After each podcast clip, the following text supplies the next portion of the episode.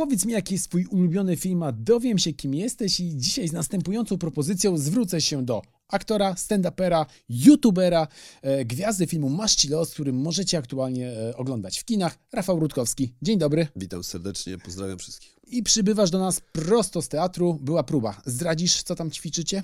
Ćwiczę spektakl, nazywa się Shatan Show, bardzo fajna. Fajny tytuł. E, jest to w, e, spektakl. Mm, kiedyś zrobiliśmy e, coś, co się nazywało Depresja Komika. Mhm. Ja i Adaś Woronowicz graliśmy on terapeutę, ja komika w depresji. On mnie tam wyciągał z, z, z dołów. Taki to był two-man show, nazwaliśmy to. A teraz jest jakby część druga, gdzie ja jako komik mierzę się z dołem, ale powiedzmy bardziej e, takim e, czarnym, bo tu chodzi o egzorcyzmy i moim jakby e, partnerem jest ksiądz, którego, w którego wciela się Andrzej Konopka i to się nazywa Szatan Show, więc tu, jest, tu, tu będzie walka o duszę komika. E, myślę, że brzmi zachęcająco. Zapraszam do Teatru Polonia. Czyli grasz osobę opętaną. Czy będą incydenty, na przykład jak w filmie Egzorcysta Williama Fredkina z jakimś na przykład krucyfiksem lądującym Słuchaj, w częściach ciała? E, aż tak to nie, dlatego że budżet na to nie pozwala, bo wiesz, e, musielibyśmy, musielibyśmy tych krucyfiksów e, specjalnie przygotować, spreparować. Poza tym ja bym musiał się przygotować, ćwiczenia i tak dalej, ale będzie tam, wiesz, będzie sporo, sporo e, żartów. E, ale Michał Walczak, autor e, tekstu i, reżyser, fascynuje się horrorami, więc elementy horrorów tam będą, e, absolutnie, natomiast wszystko oczywiście na scenie i, i w takim no, konwencji mieszania gatunków tego, co jakby scena teatralna dźwignie. Zobacz. A kiedy premiera? Premiera 5 marca, także serdecznie zapraszam. A tymczasem, zanim zaczniemy prześwietlać Twój gust filmowy, to chciałem jeszcze podpytać o film Maszcilos, który, jak już wspomnieliśmy, jest na ekranach. Jaki odbiór? Jakie dochodzą do Ciebie głosy? Yy, wiesz co, o dziwo dobry. To znaczy, przede wszystkim ucieszyła mnie frekwencja pierwszego weekendu. 60 tysięcy ludzi, jak na Polskę i film, który no, nie był dopałowany, e, e, że tak powiem, e, marketingowo, czyli trochę tak poszedł na zasadzie, prawda, babcia powiedziała cioci, ciocia wujkowi, a kolega koledze, więc uważam, że wynik jest niezły, bo nawet lepszy niż, niż niebezpieczni dżentelmeni. E, którzy byli mocno, mocno reklamowani i też y, znajomi ludzie, którzy chodzą do kina mówią, że jest spoko, jest zabawnie, że trochę szli jak za przeproszeniem najeżeni, że polska komedia, to, a jeszcze czarna to już w ogóle, ale y, zdaje się, że, że film się ludziom, ludziom podoba i myślę, że ta poczta pantoflowa spowoduje też, że, że, że, że, że ta frekwencja w kinach będzie na tyle satysfakcjonująca, że po prostu no, że ludzie zobaczą ten film. No. A jak to w ogóle jest z tą polską komedią, skoro już o niej wspomnieliśmy? Bo panuje chyba taka ogólna opinia, że kiedyś drzewiej to bywało, że polska komedia no, łączyła pokolenia, wszyscy śmialiśmy się z filmów e, Barei, Chmielewskiego, e, samych swoich, Kogel, tak Mogel, tak, dokładnie, tak, dokładnie, tak, a tak, dzisiaj to już tak czasem pojawiają się takie właśnie przebiśniegi, jak na przykład Juliusz, który zrobiliście wcześniej z firmą produkcyjną Gigant Films, albo wasze nowe dzieło. Yy, wiesz co, yy, problem z komedią jest taki, że jest to najtrudniejsza forma sztuki. Ja uważam tak.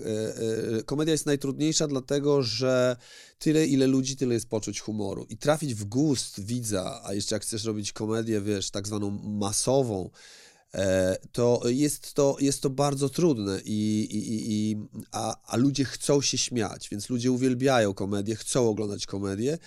I teraz spowodować, że po, robisz film, w którym dużo ludzi się śmieje, jest zabawny i tak dalej, trzeba spełnić setki warunków różnych, a do spełnienia tych warunków potrzebny jest fantastyczny, dopracowany do perfekcji scenariusz. Ludzie, którzy go piszą, muszą mieć poczucie humoru, czuć czuć to, jak aktor może to potem powiedzieć, tak dalej. Musi być producent, który w to uwierzy i da pieniądze. Y, muszą być aktorzy, którzy to potem zagrają tak, że przeniosą ten żart, a jeszcze to wszystko dzieje się na dwa lata przed premierą filmową, czyli już dwa lata wcześniej. Ci wszyscy twórcy muszą wiedzieć, ten żart, ta scena będzie zabawna za dwa lata. Brzmi jak Mission Impossible. Jest to Mission Impossible, ale jak, wi jak wiadomo, to się udaje. E, czasami przez przypadek, e, jak na przykład e, Rejs, czasami po latach, jak na przykład Miś, nagle po latach okazuje się, że to jest kultowa komedia, gdzie w momencie tworzenia takiego filmu to tak raczej wszyscy jak tak troszkę nie wiedzieli, czym to gryźć, czy, czy, czy, czy inny sposób, ale, ale ja myślę, że dopóki ludzie będą chcieli chodzić do kina, to, to ludzie będą chcieli tworzyć komedię, no bo to jest y, coś, co ludzie kochają. No dobrze, to w takim razie jaką ostatnio widziałeś dobrą komedię? Pomijając oczywiście waszą. Ostatnio, słuchaj, zdziwię, zdziwicie się może, ale ostatnio w kinie śmiałem się na kryptonimie Polska. Mhm. Byłem na premierze tego filmu. Szedłem na ten film jak na ścięcie, ponieważ e, Łukasz Sycha-Sychowicz był jednym ze współscenarzystów tego filmu, którego ja znam, bo pisał mi teksty stand-upowe, pisał mi teksty do, do, do Comedy Central i to był jego debiut. A wiadomo, jak idziesz na czyjś debiut, y, to masz dwa wyjścia, tak? Albo to może być coś super, albo po prostu nie będziesz wiedział, co temu koledze powiedzieć po premierze. Debiutantem był też reżyser Mhm. Piotr Kumik, z którym ja pracowałem przy Szymon Majewski Show, więc znam go jako człowieka od telewizji, a nie od fabuły. Więc z jednej strony typ od sketchy, z drugiej strony typ od sketchy w telewizji i to jakby szedłem, myślę, Jezu, to się nie uda, po prostu będzie może zbiór sketchy, które będą zabawne. Mhm. A nagle zobaczyłem film, który się złożył w całość, świetnie zagrane role i, i banda narodowców granych przez y, pod wodzą Borysa Szyca i tego, ja po prostu lałem ze śmiechu.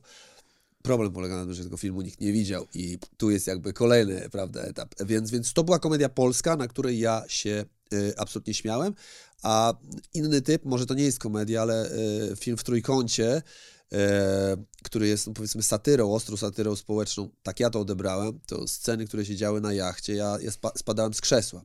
Obok mnie siedział widz, który chyba poczuł się niedobrze, ale to była zachodnia komedia, jakby film, który, który wzbudził mnie śmiech.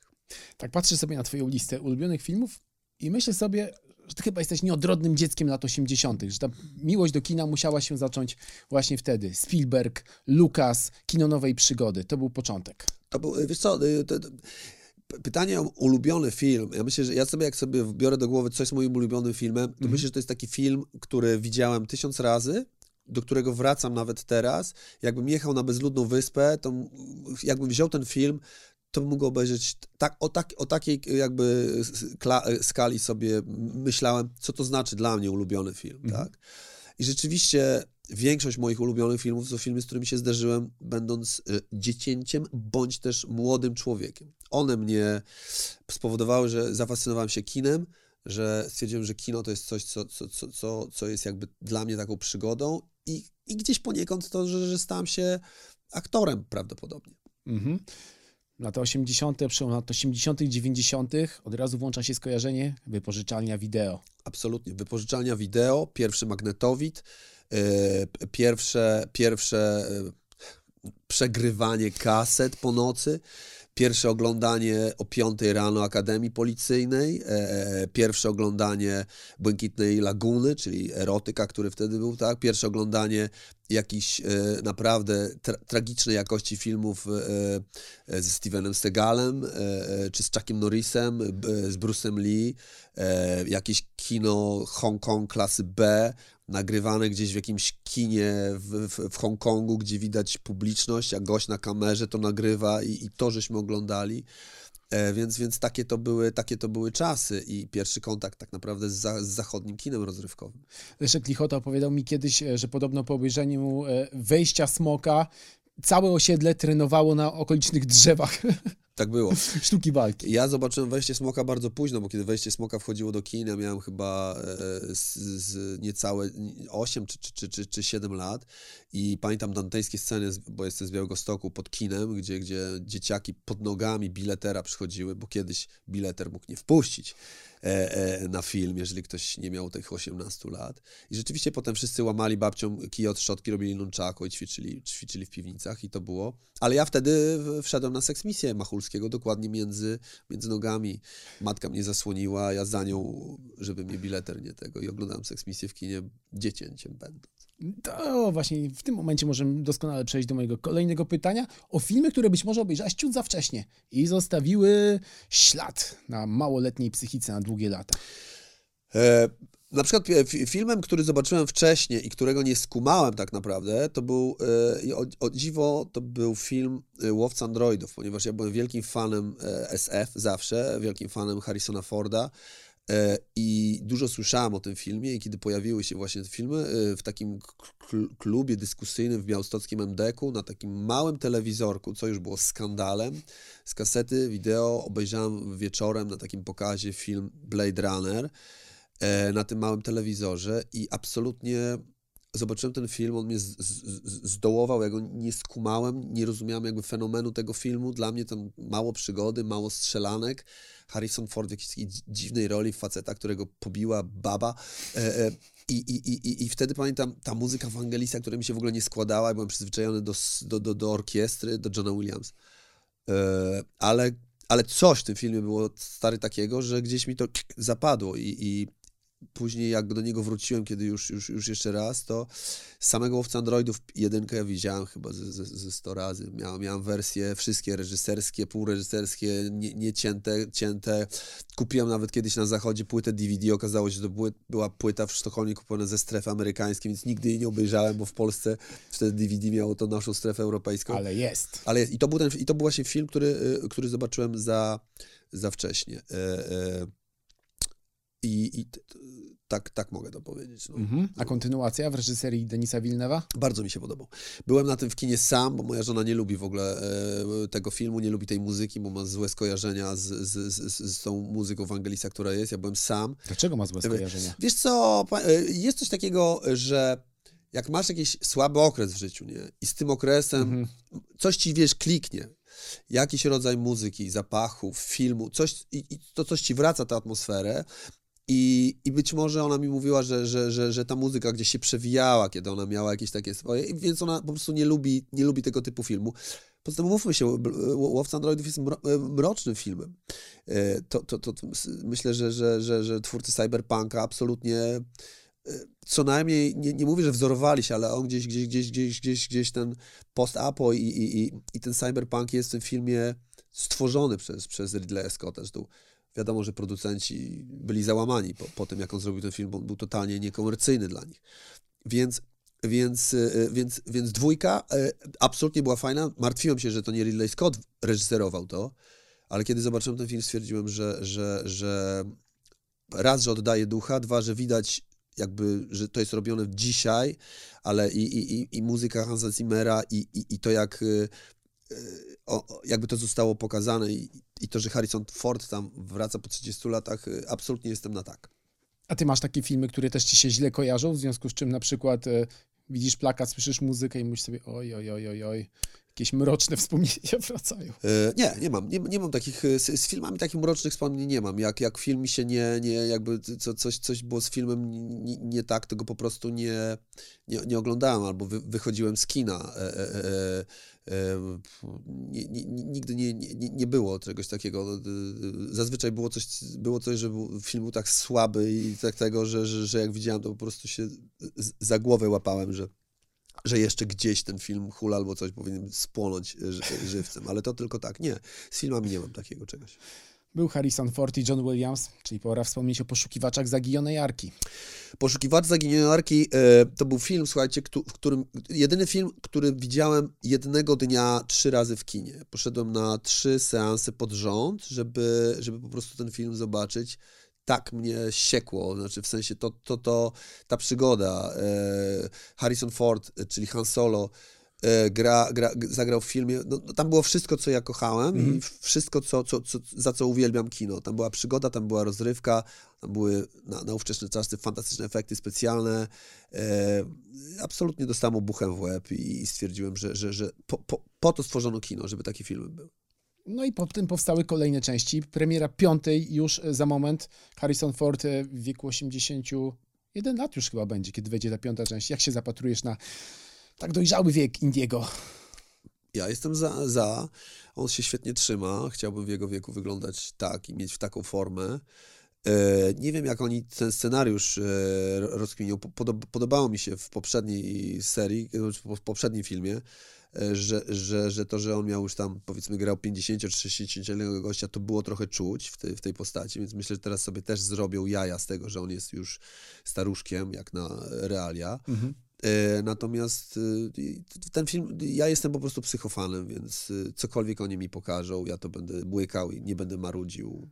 Absolutnie. No, to, tak już jest i cieszę się. Ja myślę, że Indiana Jones to, jest, to, to w ogóle powinien być taki, wiesz, gdzieś w Sewr, w, powinien ten, ten kapelusz z Page'em być jako, jako coś, co jest dziedzictwem na, światowym po prostu. Postać, którą, którą, którą Harrison stworzył. Wiem, że Mały Włosk zagrałby to kto inny. Tom Selleck podobnie. Tom Selleck miał to grać.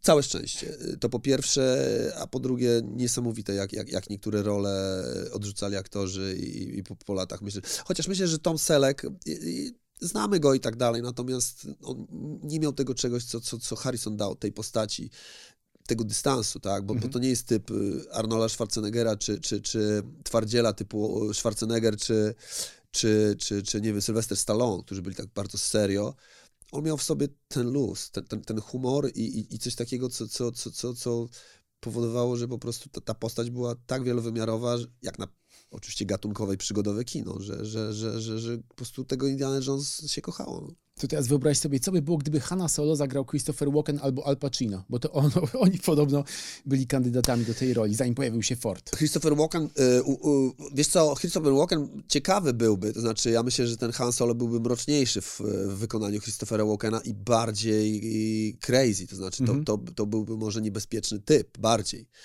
Natomiast y, Harrison Ford jest mistrzem w graniu takiego łobuza, którego każda teściowa chciałaby, żeby jej, e, jej córka z takim łobuzem była. To znaczy potrafi i, i przytulić, i, i, powiedzieć, ale potrafi też uwalnąć w ryj kogoś, kto, kto przyjdzie, a poza tym jest taki, no w dobrym tego słowa znaczy e, fajny łobuz. E, I, I w tej komiksowej Gwiezdnych Wojnach myślę, że on był do tego wtedy i, i, idealny na twojej liście ulubionych filmów jest Imperium, kontratakuje, jak wiadomo, Gwiezdne Wojny, machina e, Gwiezdnych Wojen, fabryka w zasadzie, cały czas pracuje na pełnych obrotach. Do tej pory przez długi czas mieliśmy sześć filmów i to sprawiało, że one były trochę magiczne, bo ich było niewiele, tworzyły jakiś taki zamknięty świat, a teraz powstają coraz to nowe seriale, coraz to nowe filmy. Nie masz poczucia, że Gwiezdne Wojny tracą przez to trochę na swojej magii? Tak, oczywiście. Gwiezdne Wojny to już jest produkt, to, to, to, to już przestało być e, jakby e, pierwsze trzy czyli czwarta, piąta i szósta część, to, były te, to, to, są, to, to są te Gwiezdne Wojny, na które się czekało, mm, które do Polski przychodziły po, po jakimś czasie i, i, i zresztą na, na, na świecie tak było. E, Imperium kontratakuje, które, które wyreżyserował Irving Kershner. Człowiek, który zazwyczaj robił kino psychologiczne, kameralne, nagle dostaje propozycję zrobienia blockbustera, którego pierwsza część zniszczyła system i po prostu świat zwariował i nagle dostaje telefon i odrzuca to w pierwszej, w pierwszym momencie, po czym mówi do niego agent, coś ty zrobił. On mówi, ale stary, ja się nie znam tych filmach. Mówi, człowieku, jeżeli dostajesz propozycję robienia Gwiezdnych Wojen, to, to się nie zastanawiasz, po prostu musisz to zrobić. I ja uważam, że nie wiem, czy Lukas czy zrobił to niechcący, czy, miał, czy on miał jakiś instynkt, ale dając to takiemu gościowi, moim zdaniem stworzył jeden z najlepszych w pierwszej dziesiątce filmów science fiction w ogóle. Mhm. Bo wiadomo, że jest to kontynuacja jakiegoś takiego, ale, ale to, jak Imperium kontratakuje, różni się i od Gwiezdnych Wojen, i od powrotu Jedi tego innego. Ten mrok, walka ojca z synem, ha ha Harrison Ford, który e, jakby ta jego krzywa miłość do Lej, tam jest tyle wątków psychologicznych, wiesz które mimo tego utrzymują ten cały komiks i to coś, plus te y, absolutnie Imperium Kontratakuje jest moim ulubionym z tej trójki i widziałem go też, y, też najwięcej razy i poza tym on, on ma w sobie coś z Szekspira najbardziej, mm -hmm. tak. Kiedy on mówi, synu, walczmy o galaktykę, tak, ile z tego było memów, on mówi, nie, ja, ja, ja, ja pamiętam w kinie wtedy, mnie to, mnie to to, to, była, to nie była taka czarno-biała komiksowa historia. Takich filmów moim zdaniem już się nie da zrobić na świecie, dlatego że ilość brutalizmu, jaki tam było, yy, zamrożony Han Solo, obcinana ręka, tam, tam są elementy, których dzisiaj się nie zrobi, bo, bo, bo kino chce, żeby dwunastolatkowie chodzili na filmy, prawda? Więc, więc, więc yy, dlatego ten film dla mnie jest absolutnie, yy, jest to po, poza sagą świetny film science fiction. No i teraz już wiem, dlaczego kochasz też Awatara. Absolutnie. Awatar, y, jak byłem w kinie na Awatarze, założyłem gogle y, i to, co mi za kamerą zaproponował y, w jedynce, absolutnie, tam było, uwielbiam Camerona, bo to jest moim zdaniem jeden z najlepszych storytellerów w kinie. On bierze historie, proste historie, jak Titanic, wiem jak to się skończy, co będzie, siedzisz w kinie i nagle tak cię wciąga, że masz nadzieję, Jezu, a może on zrobił tak, że Titanic nie zatonął, po czym Titanic tonie, prawda, a ty dalej masz, jak on to super opowiedział.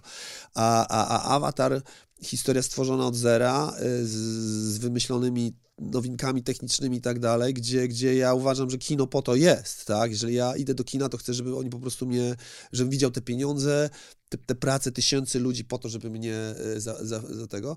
Dlatego ten film mi się tak, y, tak strasznie podobał i Awatara będąc już dużym bardzo panem, po 40, ja sam chyba w domu nawet oglądałem parę razy tak samo, odpalałem, kupiłem sobie na Blu-rayu, żeby, żeby zobaczyć, jak on wspaniale stworzył, stworzył świat totalnie komputerowy. Y, dla mnie y, niesamowita rzecz. Dwójka też mi się oczywiście bardzo podobała, tylko ten, ten, ten pierwszy był, był taką nowością i, i takim czymś, że, że, że, że super. A tymczasem Cameron już oświadcza, że za dwa lata będziemy mieli trzecią część, potem za cztery lata czwartą, piątą i pewnie jeszcze chciałby w ogóle zbudować całe uniwersum. Czyli też fabryka niestety się pojawia. Pojawia się stary, ale tam są do wyjęcia miliardy dolarów. To, to, to, to ja się nie dziwię, tylko, tylko, tylko mam nadzieję, że, że, że, że Cameron, ponieważ on jest freakiem perfekcjonizmu absolutnym, że on wie o tych pieniądzach, jaka czeka go gratyfikacja, jeżeli to będzie, ale myślę, że z tyłu głowy on ma ciągle, ja chcę robić najlepszy film, jaki człowiek widział. Y, zresztą on mówił na konferencji, używał mm. tych słów, tak, że jak zobaczycie mu film, to się po prostu i tam używał, co się z wami stanie, jak zobaczycie, więc, więc y, ja, na pewno zrobi, tylko problem polega na tym, wiesz, że, że, że już ta druga historia, czyli jakby scenariusz, no i już czuć, że, że no ile możesz dźwigać historii. Tak samo było, nie wiem, z Matrixem, tak? Mhm. A potem już każdy następny, no, no nie wymyślisz już koła, te wszystkie historie były, więc obawiam się, że tu może być kicha, to znaczy, że mielizna historii będzie już taka, że, że, no, że nawet ta technika już tego nie przebije i po prostu pójdziemy na to z sentymentu, ale to już nie będzie to takie wow. No w tym drugim to już miałem poczucie, że mamy pół kosmicznego National Geographic i potem jest wielka bitwa. Tak, morzu. połączenie właśnie Gwiezdnych Wojen z, z, z, z trochę z, z Jurassic Park, trochę z National Geographic, tylko mówię, no on użył tutaj, że tak powiem, malarskiego pędzla tak, że, że, że, że ja po prostu siedziałam jak dziecko, za, za, zahipnotyzowany ty, ty, tym, tym światem. Dobrze, teraz chciałbym połączyć e, świat efektów specjalnych i świat jednego ze swoich stand-upów. Wszedłem na twój Instagram i tam e, jest żart o pocałunkach filmowych. Tak.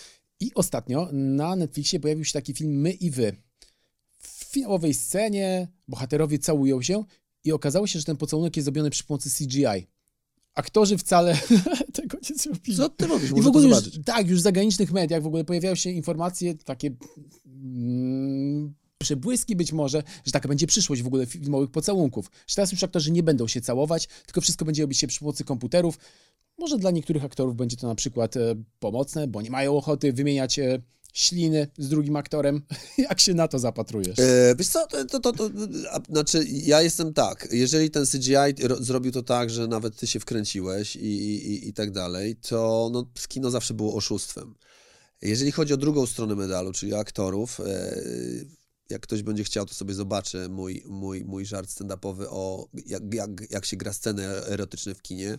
E, dla większości aktorów to wcale nie jest przyjemne, tak? Bo mm, pocałunek jest bardzo intymną rzeczą dla większości z nas, mam nadzieję. Więc całowanie się y, i filmowanie tego, jeszcze siedzi ekipa i tak dalej, to jest raczej jest raczej dyskomfort oczywiście, więc, więc y, dla mnie nigdy to nie było jakąś wielką frajdą, E, natomiast e, jeżeli jest takie coś w scenariuszu, że to jakby e, te postaci, co coś daje, to absolutnie tak.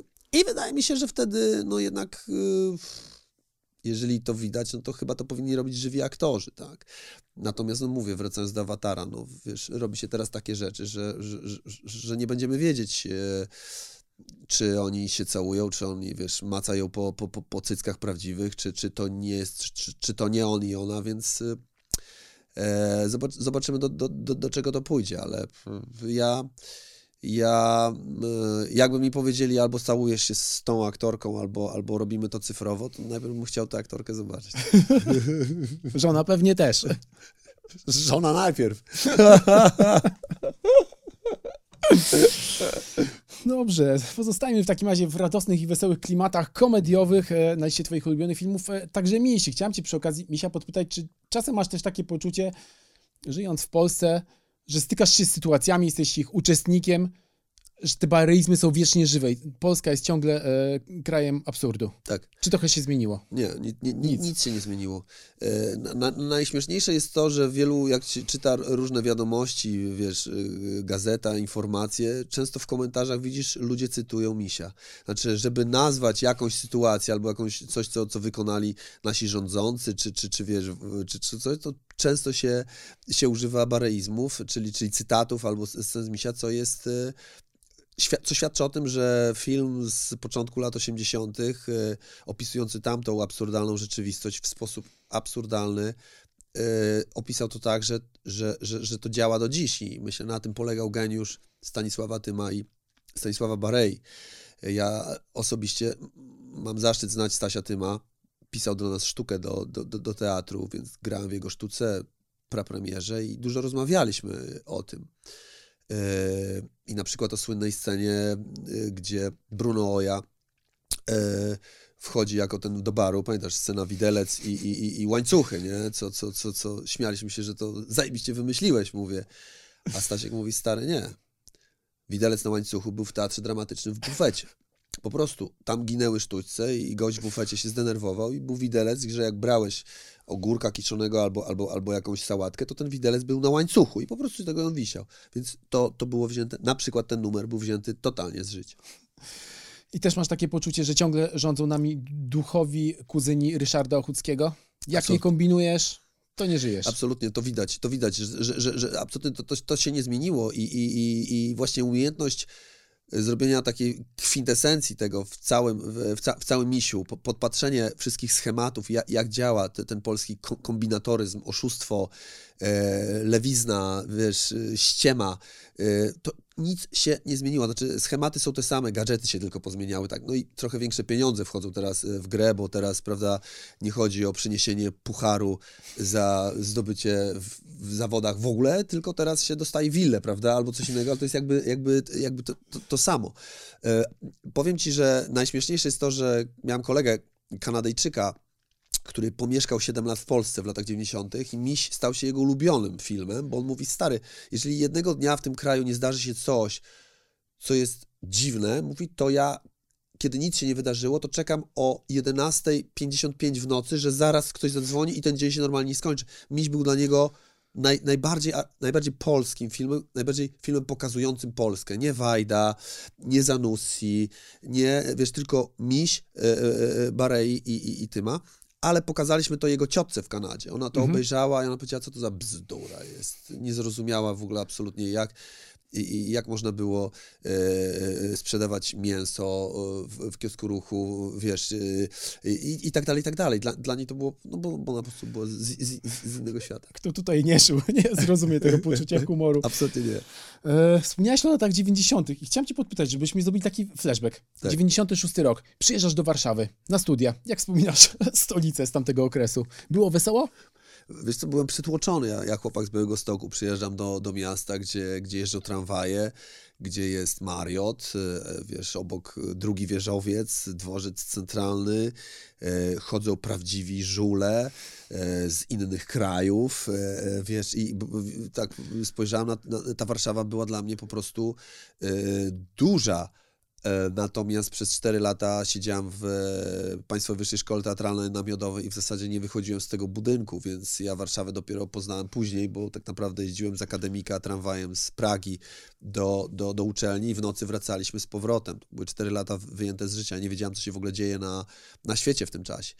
Ale, ale na studiach dużo chodziliśmy do, mm, do kina Muranów, y, bo to było niedaleko i, i tam pamiętam wtedy był szał na na, firmy, na filmy Greenawaya, na filmy Kusturicy.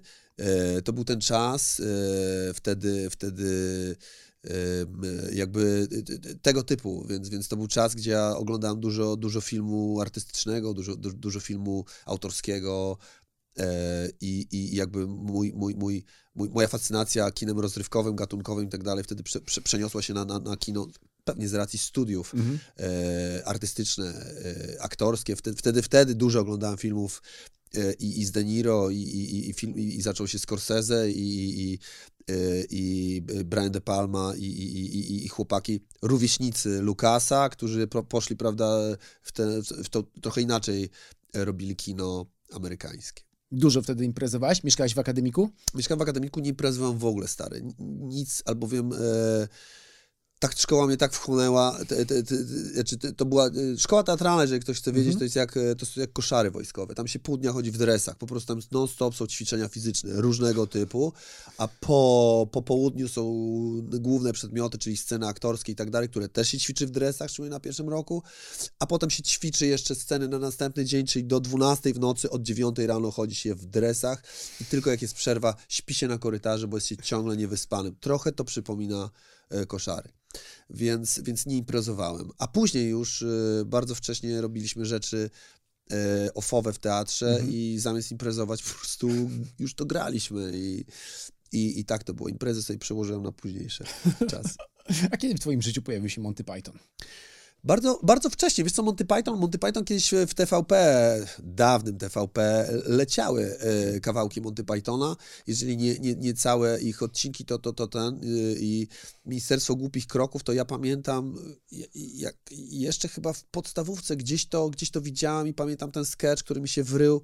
Bardzo, e, e, e, zresztą ich jeden z lepszych e, e, E, a później, zdaje się, obejrzałem już na VHS-ie, y, y, obejrzałem y, Grala, Świętego Grala, ich pierwszy, pierwszą ich dużą, dużą fabułę, natomiast film, o który zapytasz, czyli o, o Mhm. sens życia według Monty Pythona, był dla mnie takim, wiesz, komicy, jajcarze, ludzie wykształcenia, lubiący skecze, nagle robią fabułę, która, która jest y, tak przenikliwa, inteligentna, mówiąca o, o, współ, o współczesnym życiu i tak dalej, momentami smutna, z kultową sceną wielkiego y, klienta w restauracji, który wymiotuje na tę całą restaurację. Jakby dla mnie to była jakaś taka metafora w ogóle y, świata, taki, y, zdobył Grand Prix y, w Cannes ten film, to też o czymś, y, o czymś świadczy. I, i, I wiesz, moje zamiłowanie do kina i do komedii tu jakby absolutnie się, się, się, się, się, się, złączyły. To było dla mnie takie du, du, du, du, du, duże wow. E, I gdzie, gdzieś potem się trochę, tworząc grupę teatralną, czy robiąc moje takie żartobliwie krótkie formy ró- różne, gdzieś, gdzieś na pewno Monty Pythonsi byli dla mnie takim wzorem. Jak tak myślę sobie o kolektywie Monty Python, to wydaje mi się, że tobie najbliżej mogłoby być do Johna Cleesa. Absolutnie. Słusznie podejrzewam? Tak, absolutnie. Ja mam, jestem podobnego wzrostu, mam podobną wiskomikę i, i, i, i, i, i Hotel Zacisze, który on potem już zrobił po, po tym, jak, jak, jak zaczęli działać indywidualnie. E, chyba włożył w ten sitcom wszystkie swoje umiejętności, jakie posiadał jako aktor, jako scenarzysta, jako reżyser, jako twórca. Absolutnie super rzecz. Więc y, no, gdzieś, gdzieś rzeczywiście gdybym kiedyś robili polski remake Hotelu Zacisze, stanąłbym w szranki na, na castingu, żeby zagrać Mistera Faulty, e, cudowną postać. Słuchaj, czytasz mi w myślach, ponieważ właśnie Hotel Zacisze chciałem zapytać. Będzie nowy sezon Wiem, serialu. wiem, wiem, wiem, wiem. Będzie nowy sezon, on ma teraz, e, nie pamiętam ile John Cleese ma lat, 70, 80, par, e, już po 80 parę. 80. E, I podobnie jak z Harrisonem Fordem. To jest e, dla mnie to jest tak samo, wiesz, pewnego rodzaju idol, i którego ja obserwuję i, i, i, i widziałem go na, na żywo na scenie w jego one man show. I powiem ci, że on już jest starszy panem z brzuszkiem, bardzo. To już nie jest ta motoryka. On, on Mhm. dużo na tym, jako jego wiskomika polegała też na tym. On, on tam grał choleryka, faceta, któremu zaraz, prawda, łeb odpadnie, krew tryśnie. Nie wiem, jak on to zrobi. E, Mam nadzieję, że jego córka, która będzie współscenarzystką, jakoś to będzie potrafiła, znaczy ze słabości trzeba zrobić walor w komedii, tak? Yy, On nie może udawać siebie sprzed, sprzed 40 lat, bo to będzie wtedy kicha. Więc zobaczymy, ja kibicuję. No. Yy, yy, yy, e, Mam nadzieję, że zmusiły go do tego tylko ambicje, a nie producenci. Bo wiesz, jak to teraz jest. Bierze się, wyciąga się starą gwiazdę i bierze pomysł tej gwiazdy sprzed iluś lat i mówi, stary, zróbmy to, zaróbmy pieniądze. On mówi, nie, ja już nie chcę tego, zróbmy, zaróbmy. Przekonują go, potem to robi i powstaje jakaś kompletna klapa. I mam nadzieję, że tak nie będzie. A ze sportem jest tak samo jak z komedią? Im jesteś starszy, tym wiskomika Albo też właśnie... Zastanawiam się nad tym, wiesz, bo, bo, bo, bo sam się zastanawiam, bo chciałbym działać e, na przykład w stand-upie długo i, i, i myślę o tym, e, patrząc na przykład na Udego Allena, patrząc na, e, patrząc na Stanisława Tyma, czyli ludzi, którzy są już wiekowi, a robią komedię, więc e, jeżeli chodzi o Staśka, no to e, on już na scenie raczej nie wychodzi na scenę, ale cały czas pisze felietony, żarty, więc e, myślę, że dopóki u komika funkcjonuje mózg, Mhm. tak, jesteś, masz, ten, te, masz kontakt z rzeczywistością, znaczy potrafisz przetworzyć komediowo, to dasz radę. E, e, Jeżeli twoja komedia na przykład wygląda tak, jak robił to e, Louis de Finesse, który po 50 zaczął być gwiazdą, a 17 lat później umarł na trzeci zawał, bo się zarżnął po prostu, bo tyle pracował, a jego komedia to jednak była fizyczność, że ta maszyna po prostu mu stanęła i, i, i, i facet się wykończył. E, Więc e, e, myślę, że to trzeba by połączyć, tak? E, I, i, i- to, jest, to, to jest ciekawe, kiedy człowiek jeszcze jest zabawny, a kiedy już zaczyna być, walić suchary i być dziadersem. Nie wiem, spotkałem się za 30 lat swoim podcaście i wtedy powiem Ci, jak to wygląda u mnie w wieku lat e, 80. Dobrze, zostając jeszcze w temacie Johna Cleesa, bo e, on słynie z tego, że niespecjalnie lubi poprawność polityczną. Walk cancel, cancel culture to zdecydowanie nie dla niego i taki cytat e, którego, z wywiadu, którego udzieli chyba w zeszłym roku. Zawsze istniały pewne ograniczenia, ale dziś jest to szczególnie niepokojące. Tworzyć można jedynie w atmosferze wolności, gdy na każdym kroku nie trzeba się zastanawiać, czy można coś powiedzieć. Teraz wielu komików zastanawia się, czy dowcip nie wpakuje ich w tarapaty. Tak umiera kreatywność. Jak byś się odniósł do tych słów? John Cleese i e, Monty Pythonsi e, to jest, są lata 60., kiedy oni powstawali. Cudowne lata. E, I tam rzeczywiście absolutnie e, była wolność tworzenia, jakiej teraz nie ma. Nie było cenzury, żadnej cenzury. E, Oni jak zaczynali Monty Pythonstwo, oni przyszli do BBC i powiedzieli, o czym to będzie. Takie sketch comedy. Dobra, róbcie. No teraz oni mu przynieśli, powinni przynieść biznesplan, pilota. Czy... I nagle pojawiają się czasy, gdzie facet mówi w jakimś małym klubiku gdzieś żart, ktoś jest, nagrywa, tweetuje, dzień później wie o tym milion osób i w dodatku wie, że ten facet tego.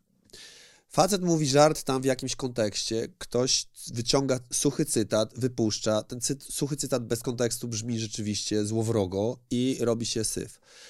E, z drugiej strony wielu komików używało e, do swoich żartów mniejszości e, narodowych, seksualnych, ludzi, którzy de facto nie mogą się bronić i mieli z tego bekę, co uważam w dzisiejszych czasach, no jest powiedzmy, tak być nie powinno.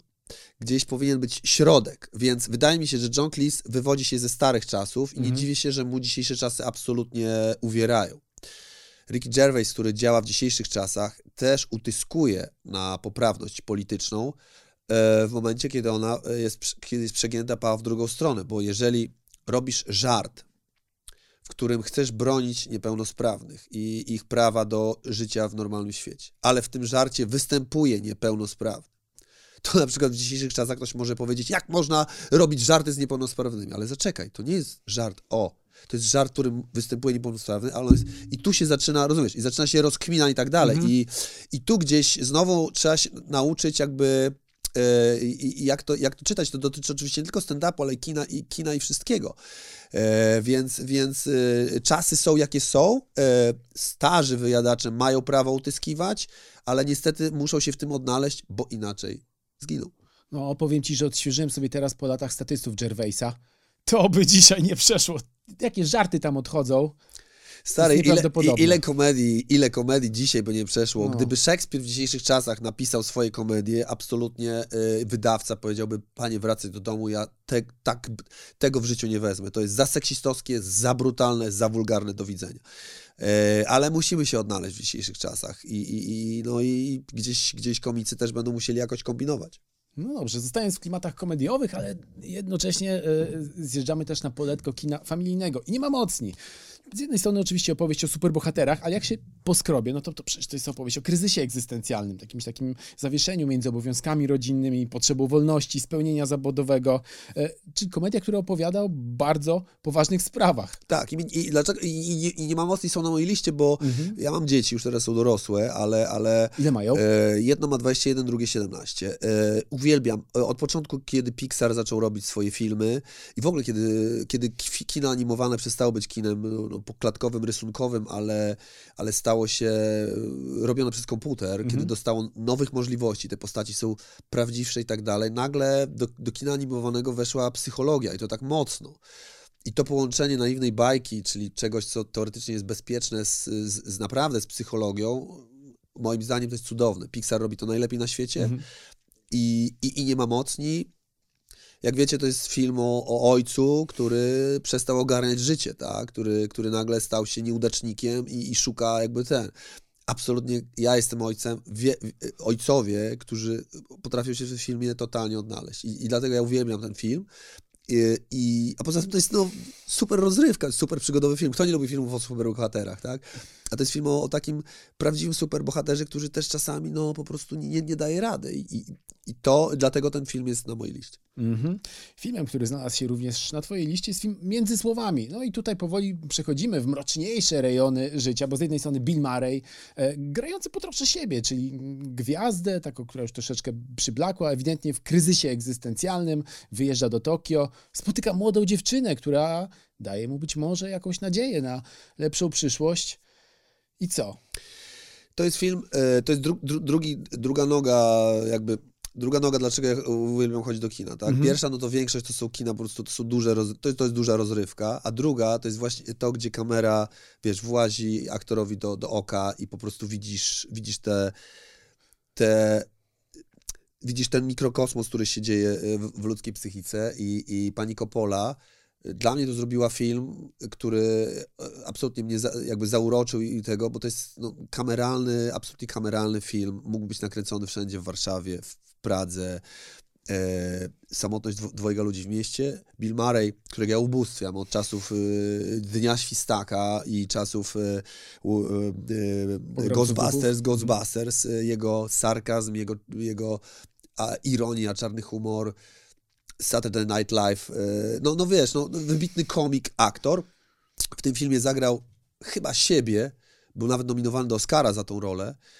E, I, i jego partnerka, e, młoda wtedy, aktorka, ale fantastyczna, grają no, tak c- cudowny aktorski film, aktorski film, tak, gdzie to na nich jakby jest o, o, oparta jakby ta, że, że dla mnie jako dla aktora to jest, ja, ja chcę grać w takich filmach, absolutnie chcę grać w takich filmach, a, a to jest, a to jest, a to jest yy, film, który jeszcze dodatkowo ma, ma w sobie pewną tajemnicę, bo do dziś nikt nie wie, co Bill Murray powiedział jej na odchodne, kiedy, kiedy muszą się rozstać. e, Co obstawiasz, że powiedział? Nie wiem. Stary, nie wiem, dlatego że, że znaczy nie wiem, nawet, nawet powiem ci powiem, nie wiem, co on jako aktor powiedział na planie, bo być może powiedział, powiedziała, stary, weź jej coś tam poszeptaj, byle co, tak? I są aktorzy, którzy zrobią żart, a są aktorzy, którzy poczekaj, ale co ja bym powiedział, a są jeszcze aktorzy, którzy po prostu poruszają ustami nic. E, nie mam pojęcia, ale chciałbym, żeby ta tajemnica została. Między słowami to jest też jeden z takich filmów e, udowadniających, że wybitny aktor komediowy potrafi być też wybitnym aktorem dramatycznym. Tutaj włącza mi się oczywiście Jim Carrey, Truman Show, Robin Williams, e, buntownik, zawsze zapominam. E, Good Will Hunting, użyjmy zagranicznego tytułu. Ben Stiller, Greenberg, Ucieczka z Danemory, Adam Sandler, Lewy Sercowy. Też masz czasem poczucie, że jesteś zaszufladkowany jako aktor komediowy, a chciałbyś kurczę zagrać dobry dramat. Nie czuję się zaszufladkowany. E, Jeżeli, jeżeli jakiś e, reżyser zobaczy we mnie, że mogę stworzyć postać e, absolutnie dramatyczną, jestem do dyspozycji. W filmie Masz ci los, mimo że jest to komedia, absolutnie grałem to jak dramat, więc, więc, więc tutaj, gdy- gdyby zmienić jakby kontekst i tak dalej, myślę, że mo- można by to zaliczyć jako rolę dramatyczną. E, Natomiast e, w komedii czuję się o wiele lepiej, dlatego że przez to, jak wyglądam, jak, jak moje ciało się zachowuje, absolutnie ekran woli mnie y, i jakby lepiej przekazuje to, co chcę powiedzieć w formie, w formie e, komediowej. E, I, i, i, i, i, tylko dla takich aktorów jak ja potrzebne są jednak e, specjalne scenariusze. To znaczy, wiesz, no, no, w M jak miłość, czy, czy, czy, czy w klanie tr trudno by mi było cokolwiek zagrać, bo, bo od razu, wiesz, od razu się wykrzywia ekran i ludzie ma, mają bekę, więc, więc y, ale nie, nie, nie mam ciśnienia na to, że muszę grać, e, wiesz, po, po, postać e, stricte dramatyczną. Jeszcze o jedną rzecz cię chciałem zapytać w kontekście filmu Między Słowami. Tam dosyć duży wątek i bardzo zabawny stanowi kręcenie e, reklamy. Super. Whisky. Też masz na swoim koncie reklamy. Absolutnie. E, Castorama, Polbank, PKN Orlen. O czymś zapomniałem? Dużo tego, wiesz co, d, d, e, w internecie sporo z, z, zrobiłem reklam, e, więc E, uwielbiam kręcić reklamy, żeby było, żeby było jasne. E, oczywiście z powodów finansowych, bo po to się robi reklamy, ale jest coś takiego niebywałego, że jak zacząłem już w latach 90. kręcić reklamy, wtedy, wtedy to były czasy Eldorado, mhm. E, budżety nieprawdopodobne i ten. Ja byłem w szoku, bo słuchaj, kiedy kręciliśmy fabuły wtedy, to materiału, taśmy były, było na dwa duble, tak, kochani, dwa dubelki, dużo prób, bo nie mamy jakby materiału, nie ma czasu i tak dalej. A w reklamie ja mogłem jedno zdanie powiedzieć 59 razy, co normalnie mają gwiazdy w Hollywood. Jak u Davida Finchera. Dokładnie. I nagle ja zrozumiałem, w jaki sposób ja mogę uzyskać ten idealny timing, tę idealną modulację głosu, to coś, co powoduje, że ludzie mówią geniusz. A to nieprawda, a to nieprawda. Po 52 razach zawsze znajdzie się takiego take'a, który po prostu... Więc y, ten komfort pracy w reklamie mi, mi dawał olbrzymią frajdę. E, wiem, że niektórzy aktorzy narzekają, że Jezu, ile razy, a mi to absolutnie, bo ja czułem, że mogę używać wreszcie ich pieniędzy i tego, żeby, żeby zrobić ten jeden strzał, ten jeden slogan powiedzieć, że powiedział, ten facet jest za... a to jest nieprawda, po prostu gdzieś, e, gdzieś, to, się, gdzieś to się udaje. A poza tym e, w reklamach najczęściej biorą udział najlepsi reżyserzy, najlepsi operatorzy, więc miałem kontakt z, z ludźmi, z którymi często bym po prostu nawet w fabule się nie spotkał, co też uważam jest y, fajną rzeczą. A z kim kręciłeś na przykład? Wiesz co, e, e, e, kręciłem na przykład, e, nigdy nie spotkałem się w fabule z Arkiem Tomiakiem, z, z operatorem, a z Arkiem zrobiliśmy chyba ze dwie, stary ze dwie, czy, e, czy trzy, czy, czy, czy reklamy. E, spotkałem się, zrobiłem z Tomkiem Koneckim, który wtedy robił filmy z Andrzejem Saramonowiczem. E, z nim, z nim robiliśmy, zrobiliśmy Kastoramę. E, spotykałem się z. Widzisz, teraz to już mi. Mhm. Teraz to już nigdy się nie spotkałem. Nigdy się nie, nie, nie zdołałem się spotkać na przykład z, z Wojtkiem Smarzowskim, który reklamy też, e, też kręci. I nigdy się nie spotkałem z z jeszcze jeden reżyser, który, teraz mi nie, nie, nie, nie, chcę, nie, nie chcę ściemniać, ale, ale, ale to, to, to, wiesz, to było jakby super i zawsze mnie pytano, że reklamy dla mnie bomba. W latach 90. występ w reklamie był, aktor był skończony, to był ostracyzm. Jak to? Tak? Tak, to, to, było, to było straszne. E, I, I to było tego. Teraz aktorzy marzą o tym, żeby dostać reklamę. Stary jeden dzień, bardzo sympatycznej pracy i możesz sobie bardzo wzbogacić domowy budżet. Słuchaj, jak się odnajdujesz w świecie mediów społecznościowych, YouTube'a, Instagrama? Lubisz ten świat? Czasem cię on dziwi, przeraża? Musiałem wejść w ten świat dosyć późno ze względu na stand-up dlatego że, że, że kiedy zacząłem robić stand-up już tak na poważnie, to ten stand-up jakoś trzeba zareklamować i sprzedać, a ponieważ stand-up ani telewizja, ani mainstream bali się, bały się stand-upu, no to komicy zaczęli sami Facebook, Instagram, YouTube. E, I musiałem w to wejść z, po prostu, żeby, żeby sprzedawać stand-up, a kiedy już w to wszedłem, no to musiałem się w to wgryźć.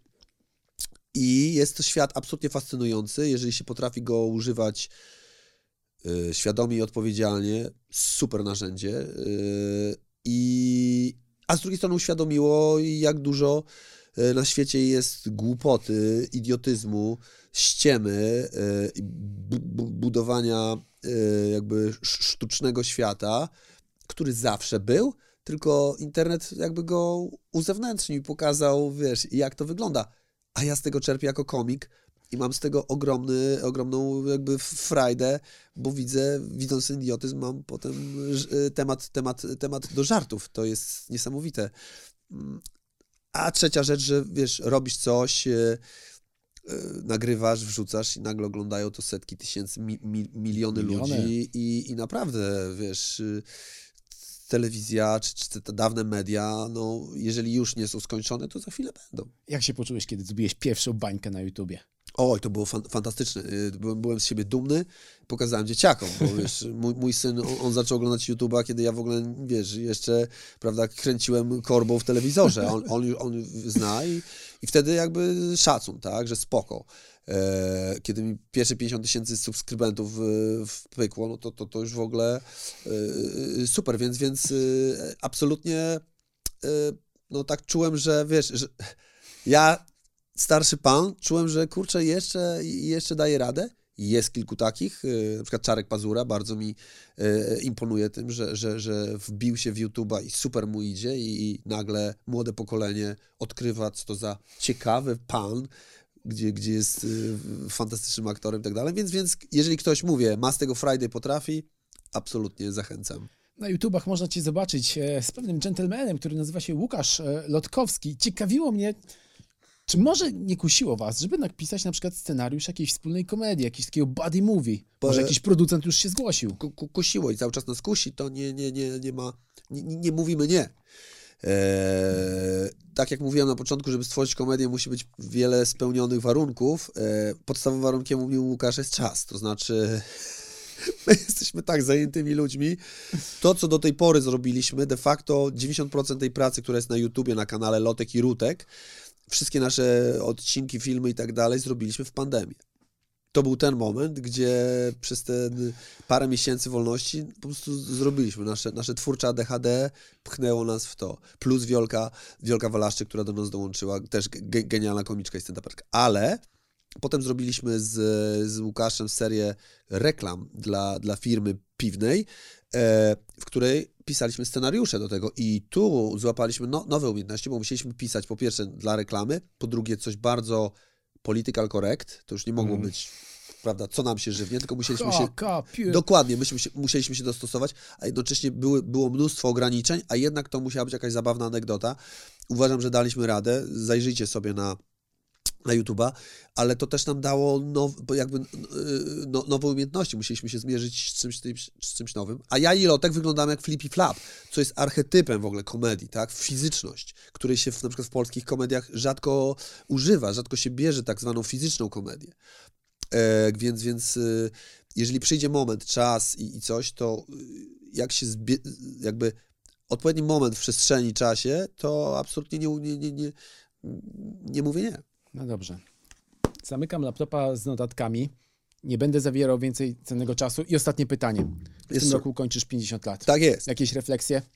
E, 50 lat to jest po, niby połowa życia, zależy ile się zamierza żyć, ale e, e, po, po, polecam e, tak przeżywać e, te pierwsze 50 lat, żeby kończąc 50 lat stwierdzić, jestem w odpowiednim miejscu, w odpowiednim wieku i absolutnie wszystko się zgadza. Nie żałuję niczego, niczego jakby nie, y, czegoś, czego już nie mogę zrobić jako 50-latek, do niczego nie, do niczego nie tęsknię, tylko jakby zobaczymy, co, co dalej. Poza tym człowiek 50-letni wie o wiele więcej niż 25-latek, co jest cudowne, jest bardziej doświadczony i pojawia się pewien spokój i pewnego rodzaju taki luz. E, tylko, że jeszcze trzeba fizycznie dawać radę i tu polecam po prostu dbać o siebie, bo jest tyle fajnych rzeczy do zrobienia, że, że jak człowiek w 50 roku życia wstaje z łóżka, mówi, o Jezu, moje plecy, moje stawy i tak dalej, to, to, to wtedy jest słabo, więc, więc, więc o to trzeba, o tym trzeba więcej myśleć w wieku 50 lat. I tą piękną refleksją kończymy kolejny odcinek podcastu Mój ulubiony film. Rafał Rutkowski. Dzięki Bardzo za dziękuję. zaproszenie. Trzymajcie się, cześć.